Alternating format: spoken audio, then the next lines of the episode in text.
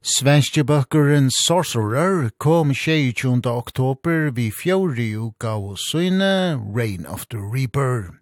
Og i hesson sambandi her vi finnes året av sankaran Anders Engberg.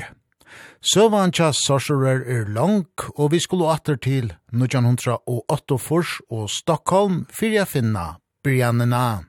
Ja, jag tar den långa historien kort då. Eh, vi vi eh gav ju ut en, det började redan på 80-talet, slutet på 80-talet där vi gav ut en, en kassett, en demokassett 1989. Eh, och eh, den blev ganska stor underground då som, som det var och eh, vi sålde den här kassetten på en lokal skivbutik i, i Stockholm där vi är ifrån och eh, det var, vi, vi sålde tusentals faktiskt utav den här. Så att det, det och man skickade ju då vi fick brev till oss med ett ett frankerat kuvert i va? Så man skickade då eh, kassetter runt om i hela hela världen och så var det också med fanzines och sånt som fanns på den tiden då. Tidningar som som eh, ja gjordes av eh, personer som hade ett intresse inom eh, den här hårdrocken då. Men sen så i alla fall så gjorde vi ytterligare en eh, demo 92. Men efter det så vi kände att det hände ingenting och jag jag var inblandad i andra eh projekt eh, som sedermera resulterade i skiva. Jag jag var med i ett band som heter Lions Share som jag släppte första albumet kom 94. Och Jonny Hagel då som var grundare till Sorcerer, han började spela med Tiamat och och och, och hade fullt upp där då så Så så Sorcery gick i graven kan man säga. Vi vi vi upphörde som band där. Eh sen så får vi spela fram eh, från 92 till 2010 då när jag hade i princip lagt musiken på hyllan i alla fall live live musiken på hyllan. Jag gjorde har gjort och gör fortfarande mycket studioprojekt då eh där jag där folk hyr in mig för att sjunga på deras skivor. Och då i alla fall så satt jag var mitt i karriären satt på ett företag och jobbade och fick då ett samtal ifrån Jonny som frågade mig om om jag var intresserad av att göra en återföreningsspelning en one off eh i på en festival i, i Tyskland som heter Hammer of Doom. Och jag sa nej. Direkt och sen var det inte mer med det, men sen så funderade jag lite grann och tänkte liksom, ja men det kanske hade varit kul liksom. Så jag ringde upp Johnny igen och frågade om han hade tackat nej och då sa nej, jag har inte tackat nej än. Nej men okej, vi gör det, sa jag, men vi sätter ihop ett, ett band med duktiga spelare då. Så vi hade ju då tog in Christian Niemann från Ethereum som hade spelat med där. Eh vi tog in eh, Ola Englund från eh, The Haunted spelar han i idag eh, som spelar gitarr också och satte ihop ett band och så åkte vi ner och spelade på den här spelningen och det var en otrolig ett otroligt gensvar. Det var folk från hela Europa där som eh liksom sorcerer och vi jag jag fattar ingenting. Eh och vi hade jättekul där och och sen så åkte vi hem och så vart vi inbjudna till en annan spelning eh, halvår senare i Grekland på en, en festival som heter Up the Hammers där och det var lika galet där. Eh publiken var var var i extas och på flygplatsen hem därifrån så diskuterade vi lite och så då sa Jonne, jag har lite låtar som jag har skrivit liksom ska vi göra en skiva?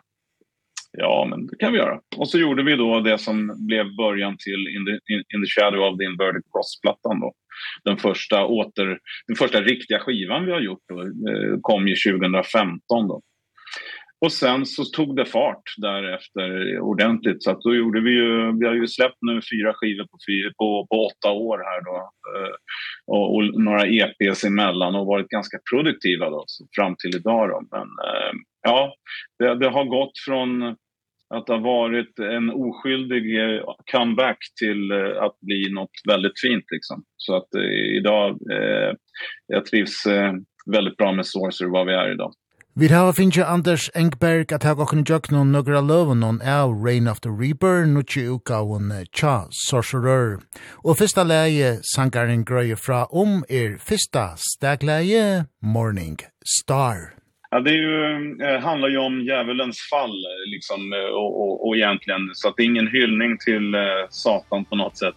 Men, men det handlar om hans eh, fall from the heavens och eh, lite grann kring det. Eh, det är en, en, eh, en, den första låten på plattan naturligtvis med ett starkt intro, eh, lite militäriskt virvel och sen eh, en väldigt bra eh, hook i, i, i refrängen. Så att, ja, men det, det är väl det det handlar om. You know my name, I am the serpent.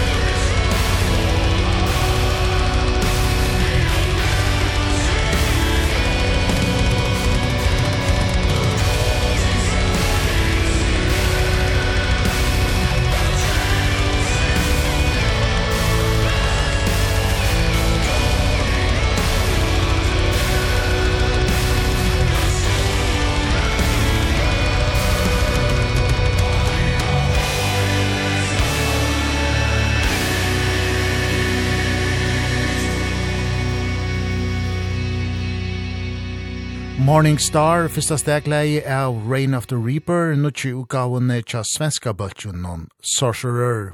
Fjora utgava torra var tøk, 22. oktober. Tvei ar i rullien sian i fyrrøkjengane til Rain of the Reaper Birjavo, og utgavan hever ver Leo innspalt og i holdt ar grøyersjankaren Anders Engberg fra. Den har ju varit klar sedan ett halvår nu redan. Eh, Eh och sen så säger att den började slutet på 2021 eh någonstans där. Slutet på 2021 eh, började vi skriva lite smått och sen så vi hade har ju alltid material för mer än en skiva så att säga. Eh, när vi börjar skrivprocessen och det, så var det den här gången också. Vi hade ungefär 15 idéer som vi sen eh, tog upp och sen så kokade vi ner det nu till åtta låtar då som vi som vi demokratiskt i bandet röstade fram då liksom tyckte att de här de här låtarna är de som ska vara med på skivan då. Vi hade ett lite annorlunda tänk också den här gången vi vi har ju släppt tre album som är ganska långa runt en timme Men den här gången så ville vi gå tillbaks och göra en lite mer old school så vi ville ha en en enkel vinyl med A och B-sida bara. Eh så den här skivan är ju lite kortare 47 minuter då eh så att vi fick plats med den men men ja så så så var det. Nas nu just utgavan Charles Sorcerer, Lamenting of the Innocent, er ein konceptutgava Havast ta ikkje beinleis er ein sovegongt ui Rain of the Reaper, så genga avis evni atter i fløyri av Sankanon. Anders Engberg er åttamöver ui Sorcerer. Ja, det blev en ren tillfällighet att många av låtarna på den här nya Rain of the Reaper handlar kretsar kring död, att, att dö och, och, och ja, död helt enkelt och eh, men vi har ju andra låtar också med Curse of Medusa. Det, det handlar ju om grekiska mytologin och och vi har The Kingdom Will Come som är mer eh, kanske lite Game of Thrones sagt det är liksom i i stilen och så att vi har ju ett varierat tema på på texterna ändå men men jag tycker att vi, den typen av musik som vi spelar den behöver också ha ett lite mörkare tema liksom i i texterna. Den det det skulle inte funka att ha kärlekstexter eller politiska texter eller någonting sånt. Det är inte vi intresserade av utan vi vill måla upp, vi vill liksom att låtarna ska vara eh filmiska nästan om ni tänker jag har mycket effekter och och det regnar och det är kyrkklockor och det är massa såna som som ska skapa en atmosfär i låtarna för att man ska liksom sjunka in i dem. Och texterna är också lite mer abstrakta vilket gör att lyssnaren själv kan liksom gå in i texterna och och själv tolka låtarna så att säga. Och det det är det är uh, vad vi vill säga med musiken. Vi tar finja Anders Engberg att jag och nu jag någon nägra av sanken någon är Rain of the Reaper nu ju gåvan Charles Sorcerer och annars sankeren han gröjer fra om er balladekänte Eternal Sleep. Yes, en av mina favoritlåtar på plattan tycker den är fantastisk. Det handlar ju om en man som är döende som tänker tillbaks på på på sitt liv helt enkelt och eh, han är på väg in i i det eviga riket så att säga och väldigt bra en dynamisk låt nästan som en ballad men i mitten så har du ett uptempo parti med med twin leads där både Peter och Christian eh, verkligen visar eh, klass eh, när, när det gäller sina solon och en intressant eh, lite progressiv låt eh, väldigt bra tycker ja. jag. Jag är glad att du gillar den också.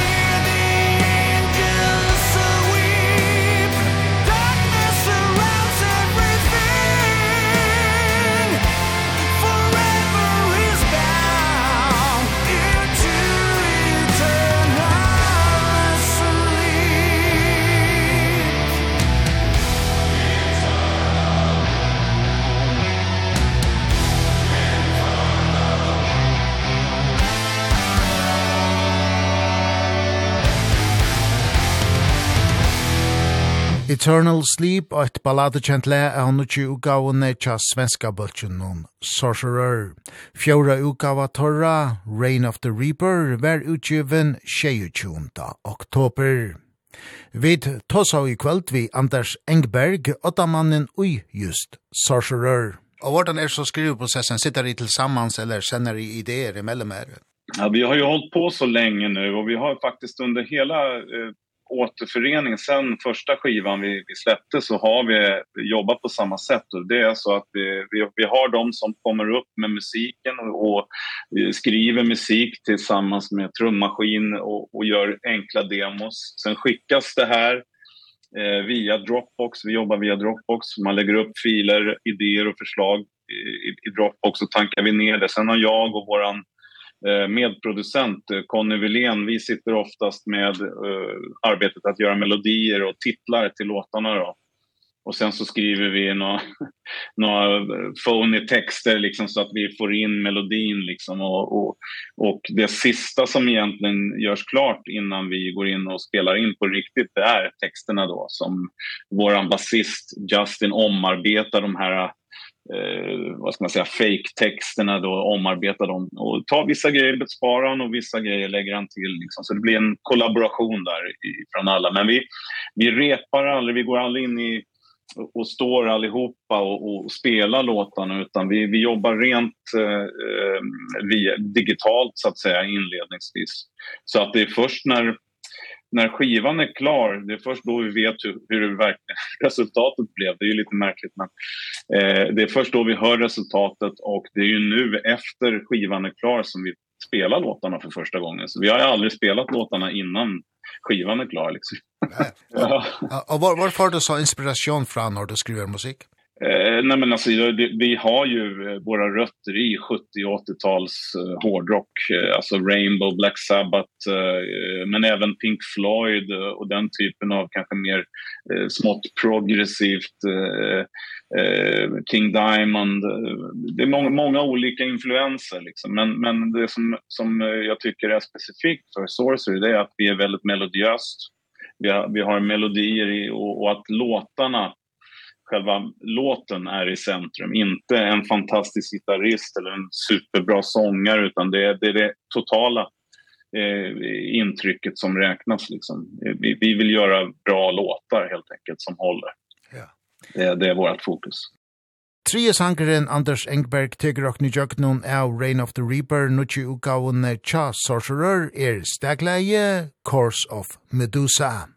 Medusa är ju en grekisk eh, liksom historia och en gorgon då som det heter. Men men i och med att temat var lite orientaliskt så där så tyckte vi ändå att det passade med med eh, den här titeln och texten. Och, och och det handlar ju helt enkelt om det det är väl den enda låten som riktigt speglar eh vad man kan själv läsa sig till i den grekiska mytologin så att säga som Justin då har applicerat. Men Men man kan säga att de flesta låtarna på skivan kretsar kring döden och, och tankar kring döden. Liksom. Ja. Även fast den är inte konceptuell. Döden!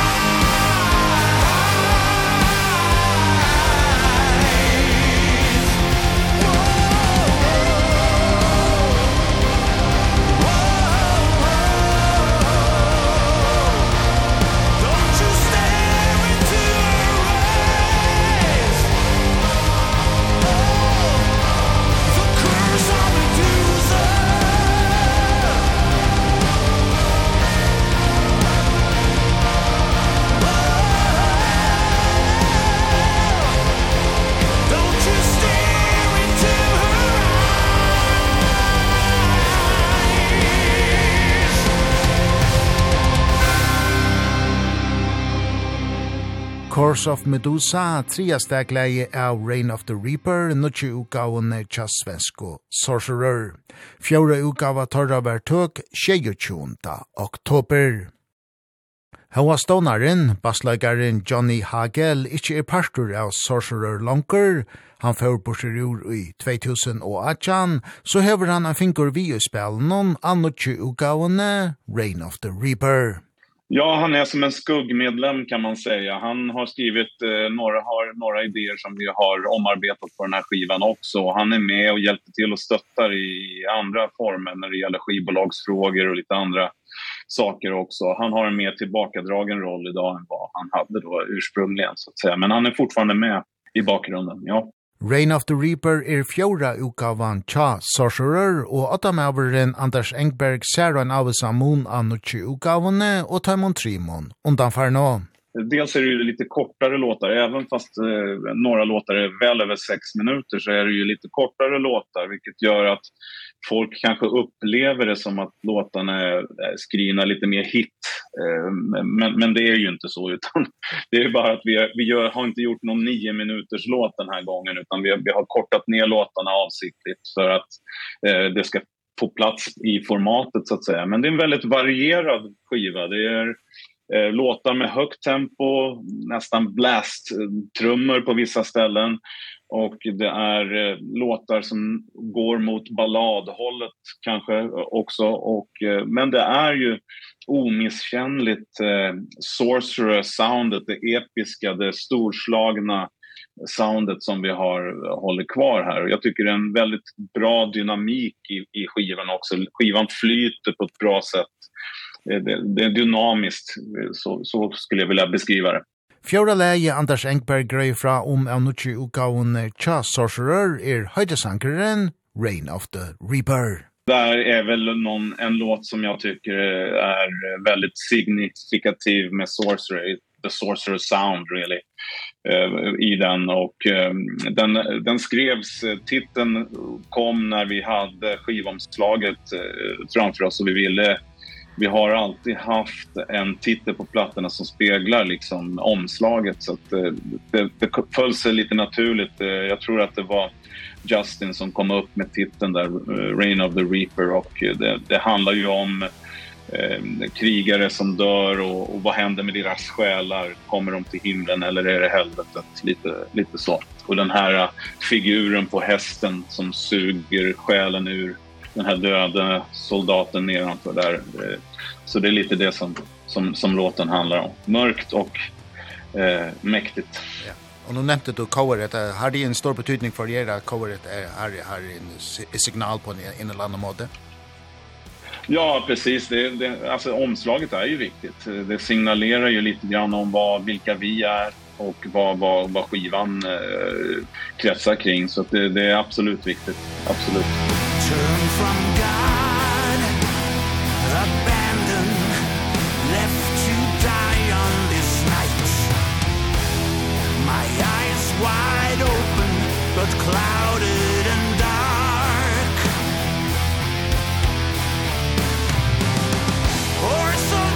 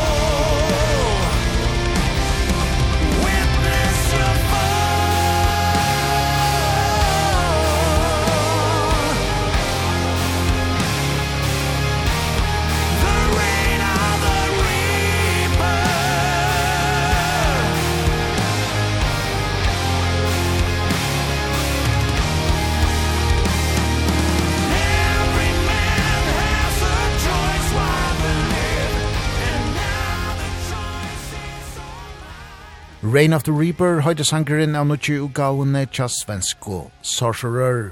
Fjore utgava torra vær tøk 22. oktober. Nu er nutja utgavan tøk, men vi skulle ikkje rakna vi a sutja Sorcerer som ekva patle og innarmast og framtøy. Og Orsøkjen er ankul, stafeste gesteren ui i Ragnarok og kvöld, sangaren Anders Engberg vi är ju inget turnerande band egentligen. Vi är, vi är, vi är lite för gamla för det. jag fyller ju 55 här nu och vi, vi alla har familj och barn och så där. Det är svårt att komma loss och man har mortgage du vet på hus och det är allt möjligt så att eh, men vi vi eh, vi kommer att spela en hel del. Eh, vi har ju den första spelningen har vi nu 17 november på Hammer of Doom. Eh, vi vi spelar headline där eh, vilket vi ser fram emot. Eh, och sen så eh, i början på nästa år så åker vi till Polen. Ska spela i Polen i februari. Vi gör några spelningar i Tyskland. Och sen så är det en hel del spelningar på gång. Vi har precis tecknat ett nytt avtal med en ny, ny booking agency så, så vi, det är mycket på gång.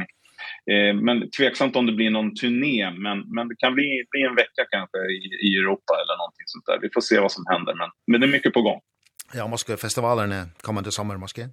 Ja, det hoppas vi ju på naturligtvis. För oss som band eh i den situation som vi befinner oss så tror jag att festivaler är liksom det som ger mest pang för pengarna så att säga vi kan spela inför en en stor publik och och och nå många människor på en gång så att säga så det är viktigt för oss. 50 og sønnaste sangeren Anders Engberg teger og nyjøkt noen av Rain of the Reaper, nukki ukavun Chas sorcerer er Break of Dawn.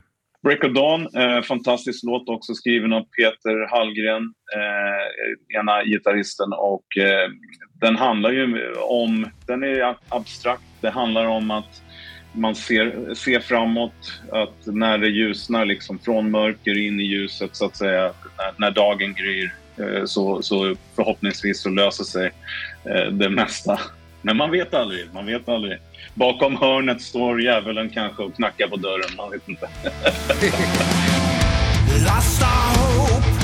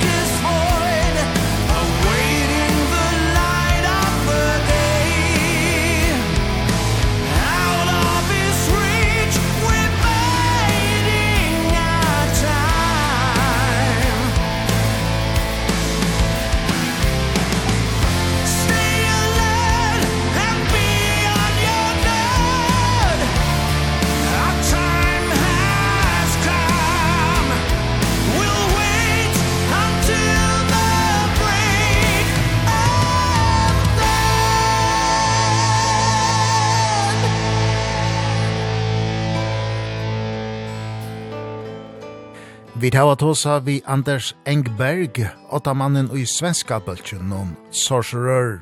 Vi pratar vi om nutje uka av Torra, Reign of the Reaper, som var utgiven 22. oktober. Engberg tog okken oss nye jøk noen fem av sanken noen elvis i fjori uka av Tja Sorcerer, og nå til søgnas grødjan fra om Break of Dawn.